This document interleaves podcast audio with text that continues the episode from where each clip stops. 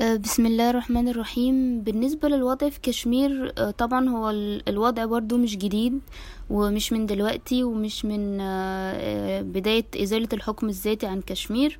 القصة بدأت لما طائفة يعني دينية اسمهم السيخ بدأوا يحكموا منطقة كشمير. وادي كشمير حكمهم بدأ من سنة 1819 لسنة 1846 ودي كانت بداية الاضطهاد الديني يعني هو قبلها كان في اضطهاد بس مش اضطهاد ديني كان يعني شعب كشمير كان بيتعرض لاضطهاد من الحكام لأن هم كانوا آه، يعني طبقة فقيرة من العمال كان المغول حكموهم والأفغان حكموهم آه، بس كان يعني كان نوع من الاضطهاد الاقتصادي من مش ديني. بداية اضطهادهم الديني حصلت على إيد السيخ بداية من 1819 لحد 1846 بعدها حصلت الحرب ما بين آه، الملوك السيخ أو الدولة السيخية في كشمير والبريطانيين. آه، سنة 1846 بريطانيا باعت باعت كشمير. رسميا يعني كأنها ملك ليها زي اللي حصل بالظبط في فلسطين وأنا حابة أقول تاني إن اللي بيحصل آه، في كشمير مش بعيد خالص عن اللي بيحصل في فلسطين. بريطانيا هي اللي عملت كده في فلسطين باعتها آه، وعملت وعد بيلفور ونفس القصة حصلت في كشمير. بريطانيا باعت كشمير لطائفة أو عائلة بتنتمي لحاجة اسمها آه، دوجرز. يعني عائلة هناك تنتمي للديانة الهندوسية. بعتها مقابل سبعة ونص مليون روبية. آه، اللي حصل بعد كده طبعا كان اضطهاد بقى من نوع آخر و آه، يعني كان في استعباد بمعنى كلمة استعباد كان حصل آه، قوانين جديدة بتسمح للعائلة دي أو الحكومة آه، إن هي تشغل الناس بدون مقابل تماما بدون مقابل استعباد بمعنى كلمة الاستعباد في أي حاجة واللي بيرفض بيتقتل. وحصل إجبار للسكان كشمير إن هم يحاربوا آه، تحت لواء الجيش البريطاني يعني كنوع من رد الجميل لبريطانيا. وفعلا آه، الكشميريين المسلمين آه، حاربوا في الجيش البريطاني في الحرب العالمية الأولى والتانية بدون مقابل طبعا وبدون أي حقوق ولا أي حاجة. سنة 1947 طبعا حصل انقسام الهند بقت الهند وباكستان. أصلا كانت كشمير بره القصة دي خالص. يعني هي الكشمير أو المنطقة دي اتخيرت ما بين ثلاث اختيارات. إن هي تحتفظ باستقلاليتها لأن هي أصلا كانت مستقلة عن الهند. يا إما آه، تلتحق أو تنتمي لباكستان أو آه، تنتمي للهند. اختار الملك ساعتها كان اسمه هاري سينج. اختار إن هو هيفضل مستقل. عن الهند وباكستان وهيبقى دولة لوحده. آه، ولكن اللي حصل إن باكستان أصلا كانت عايزة آه، تاخد الجزء ده آه، بالطبيعة الجغرافية وطبيعة السكان إن أغلبهم مسلمين وانها امتداد طبيعي للأراضي الباكستانية فحاولت فعلا إن هي بس ما كانتش محاولات يعني جادة أو عنيفة يعني مجرد محاولات لضم كشمير ليها. فاللي حصل إن آه، غاندي رمز السلام والوئام سافر آه، للمنطقة وأقنع الملك الهندوسي هاري سينج إن هو ينضم للهند أو يحط كشمير تحت الولاية أو الحماية الهندية مقابل وضع الاستقلال الذاتي. وضع الاستقلال الذاتي اللي هو article 370 اللي هو حكومة نريندرا مودي شالتها سنة 2019 من 1947 هو الاضطهاد شغال. آه، الاضطهاد موقفش ولا يوم. آه، الاضطهاد شغال من ساعتها. آه، المنطقة دي حصل فيها حروب كتير جدا ما بين الهند وباكستان. حصل طبعا حركات مقاومة كتيرة ظهرت في التسعينيات. حركات مقاومة إسلامية. كانوا يا إما عايزين يا إما ينفصلوا ويبقى كشمير تحظى باستقلالية أو تنضم لباكستان. يعني هما ما كانوش بأي حال من الأحوال عايزين يكونوا تحت تحت الحكم الهندي حتى وهم آه، يعني محتفظين بالحكم الذاتي ليهم. آه، طبعا أعتقد إن أنا قلت كده في فيديو تاني آه، في تسجيل تاني إن كان في الوعود الانتخابية لحكومة نريندرا مودي ال BJP الحزب الهندوسي إزالة الحكم الذاتي عن كشمير. كشمير بالنسبة للهند مش مجرد بس اضطهاد ديني. يعني طبعا الاضطهاد الديني ده الخط الأساسي ليهم ولكن كشمير موقعها استراتيجي جدا بالنسبة لكل الدول. وبرضو الهند بسبب العلاقات السيئة جدا مع مع الدول اللي حواليها. فهي بتلاقي نفسها مضطرة إن هي تكون يعني ما ينفعش تفرط في كشمير. إن كشمير من الغرب في باكستان من الشمال الغربي في أفغانستان ومن الشرق والشمال الشرقي الصين والهند في في الجنوب. فأي وجود أي وجود لأي دولة من الدول دي في كشمير خطر بيهدد الهند.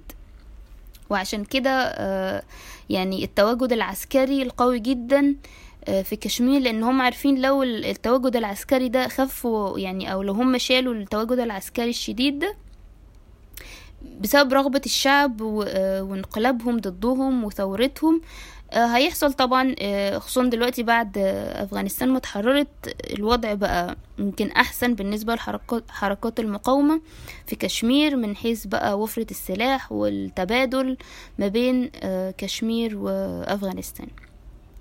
دلوقتي حصل حادثة من كذا يوم. حركات المقاومة قتلت اتنين بينتموا للهندوس يعني الديانة الهندوسية. وقالت يعني وأعلنوا مسؤوليتهم عن القتل ده وقالوا بسبب انتماء الهندوس دول لجماعة RSS المتطرفة.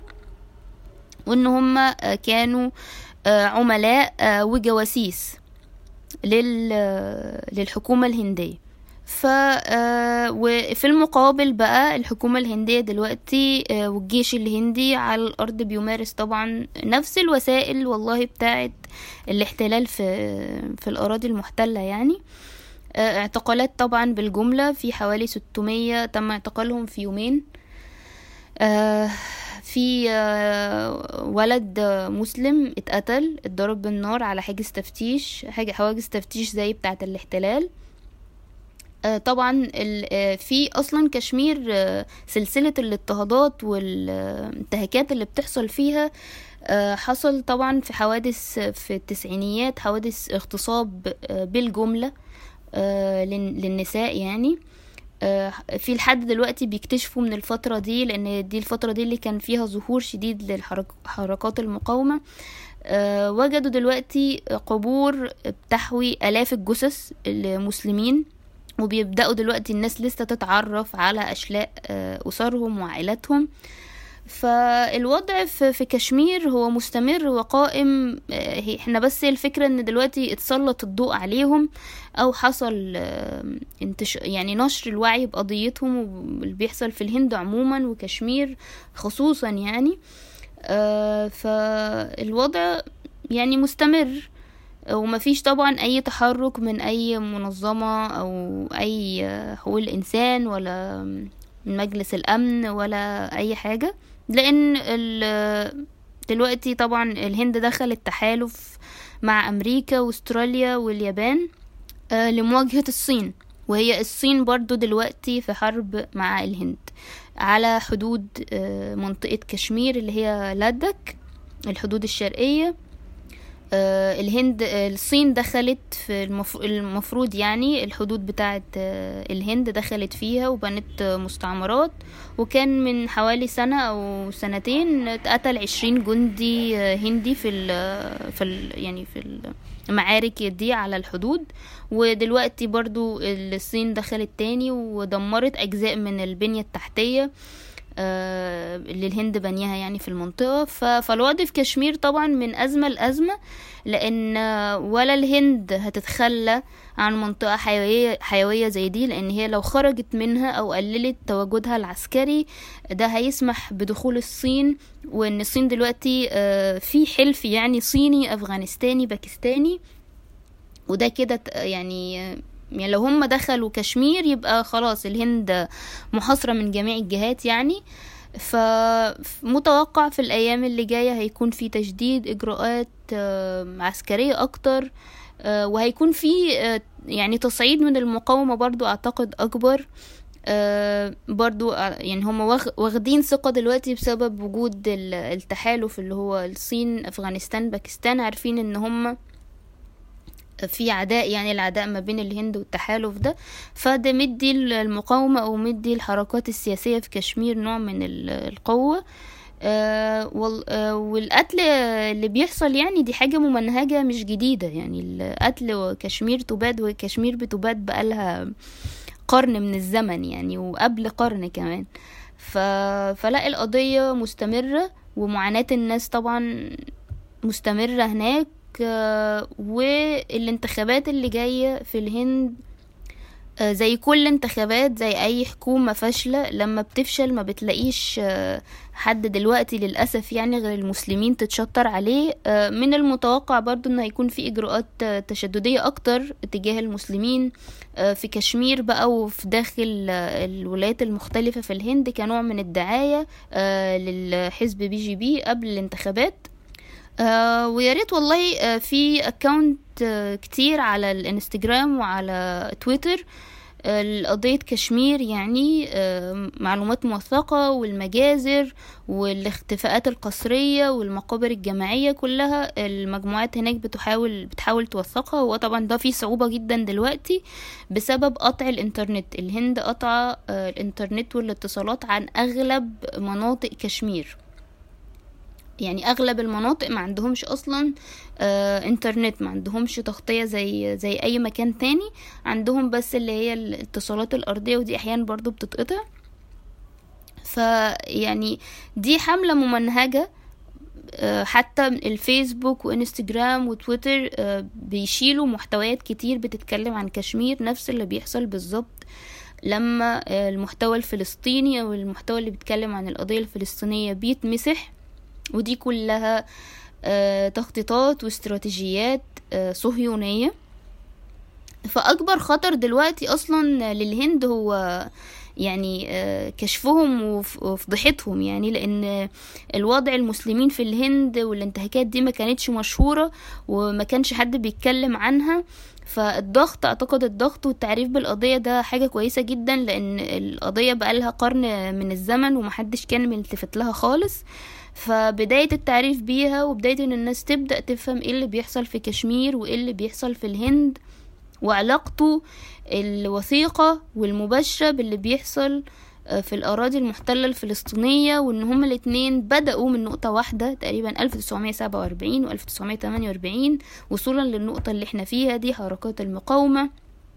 التكتيكات الستانية وبناية المستعمرات والوطن القومي لليهود في فلسطين والوطن القومي للهندوس في الهند. دي كلها آه، حاجات مترابطة. آه، ويا ريت ما نوقفش إن إحنا نتكلم عن قضية المسلمين في الهند كلها وفي كشمير لأن ده بيشكل يعني بداية وخطوة إن شاء الله لتحسين أوضاعهم والتحرر يعني إن شاء الله الكامل زي أفغانستان كده إن شاء الله. والسلام عليكم ورحمة الله.